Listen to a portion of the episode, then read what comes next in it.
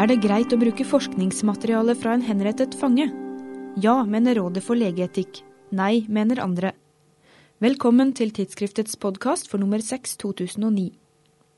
Ved The National Library of Health i USA finnes et unikt forskningsmateriale. På 1990-tallet ble to døde kropper fryst ned og kuttet opp i millimetertykke skiver. Deretter ble hver skive fotografert og digitalisert, slik at datamaterialet består av en komplett anatomisk detaljert versjon av en kvinnelig og en mannlig kropp. Dermed er det mulig å undersøke hver eneste del av kroppen i tredimensjonale bilder, ta fra hverandre biter og sette de sammen igjen. Forskere fra hele verden kan benytte seg av materialet og lære et og annet om anatomi. Michael Ackerman er leder av prosjektet, han forteller hvordan det hele startet. The uh, project began in 1987. And my job here at the National Library of Medicine was to promote the use of computers to teach uh, in medical schools. And when I lectured at the University of Washington, the chairman of the Department of Anatomy came to me after the lecture and he said, if you really want to use computers in medical education, you should use it for anatomy. Because in the classic sense, you can't study anatomy.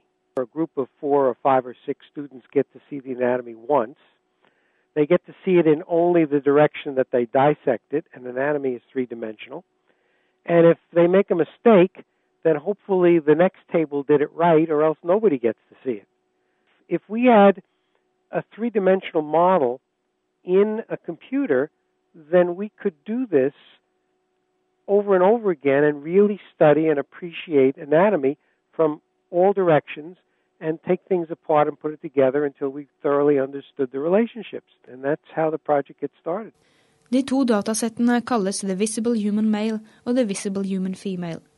Kvinnens identitet er ikke kjent for offentligheten. Hun døde av et hjerteinfarkt, og ektemannen hennes donerte kroppen spesifikt til dette prosjektet. Mannen i prosjektet derimot er Joseph Paul Jerningen fra Texas, som ble dømt for drap i 1981 og henrettet med giftsprøyte i 1993. Ifølge Ackerman er det forskere som har litt problemer med akkurat det. Men han understreker at mannen helt frivillig donerte kroppen sin til forskning, at akkurat han ble The Visible Human Male, var noe tilfeldig. Uh, he and other people, some prisoners, some not, were uh, frozen. CAT scan, MRI, and then frozen. And then a committee uh, met to pick out which now unknown set of pictures they were looking at uh, would be perfect enough to be this normal human being. It took the committee two years to find to finally decide uh, which one uh, would be the normal human being. Uh, so the prisoner himself had absolutely no way of knowing. All he knew is that he had signed the papers and gifted his body to science. Flere, inkludert Ackerman og kollegene selv, har vurdert om det er etisk forsvarlig å bruke datamateriale fra en henrettet mann. En av forskerne som fikk betenkeligheter, var Erik Fosse. Han er avdelingsleder ved intervensjonssenteret på Rikshospitalet, og måtte ta stilling til saken i forbindelse med et forskningsprosjekt i fjor. Vi hadde en, gruppe, en forskergruppe som eh, skulle bruke dette datasettet mm, til et forskningsprosjekt hvor vi skulle simulere forskjellige hvordan radarbølger beveger seg i vev. Og Da var dette datasettet helt nødvendig, og da mente jeg det var riktig å ta opp de etiske sidene ved dette settet. De spørsmålene jeg reiste, var jo om eh, det å forske på resultater fra henrettede i seg selv er etisk riktig. Eh, hvis man er prinsipielt motstander av dødsstraff, så bør det vel kanskje ikke lønne seg for samfunnet i det hele tatt å henrette. Opp mot dette kommer selvfølgelig om hvorvidt eh, for denne mm, henrettede om dette, Han oppfatter det som en meningsfylt uh, ting å donere kroppen sin til prosjektet.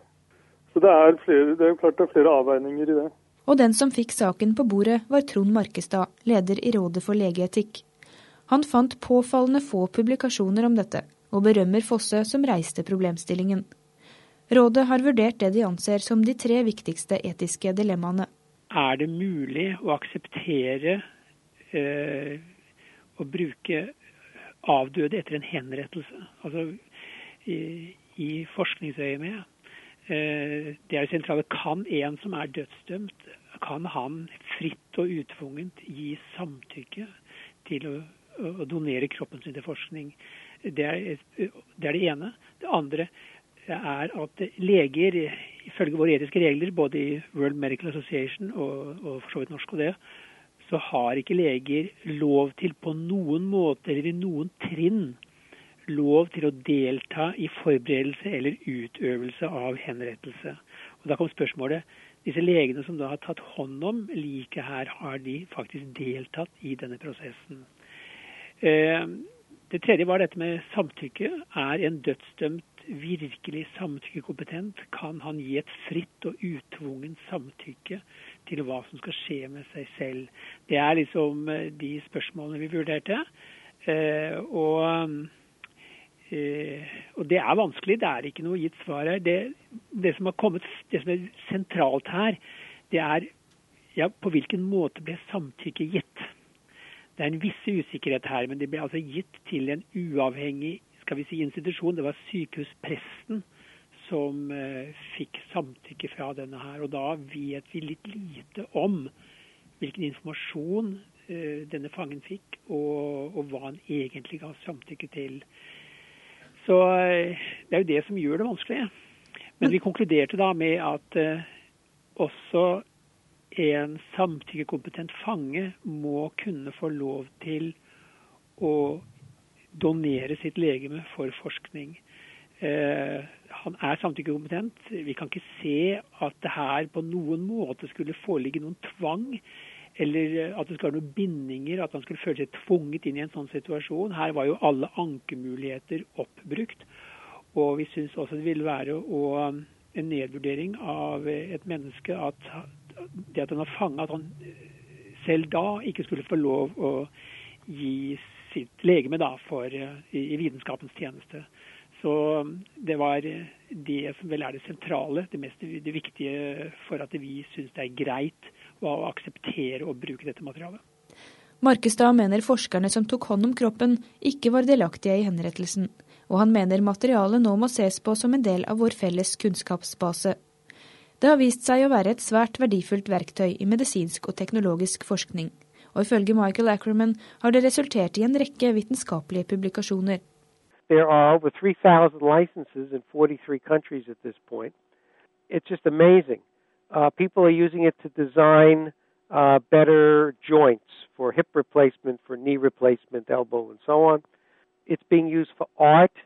It's being used uh, to build uh, more ergonomically designed uh, chairs and tables. Uh, we have one group that's using this, that reconstructed it as a virtual crash dummy and using it in virtual cars to test new uh, new characteristics for automobiles.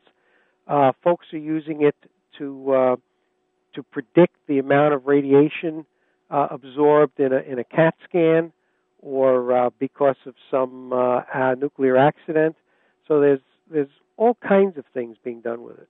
Men om det er aldri så nyttig, Rådet for legeetikk mener det er opp til hver enkelt forsker å vurdere om de selv mener det er riktig å bruke. De bør også begrunne standpunktet sitt i prosjektbeskrivelser og søknader til forskningsetiske komiteer, mener han.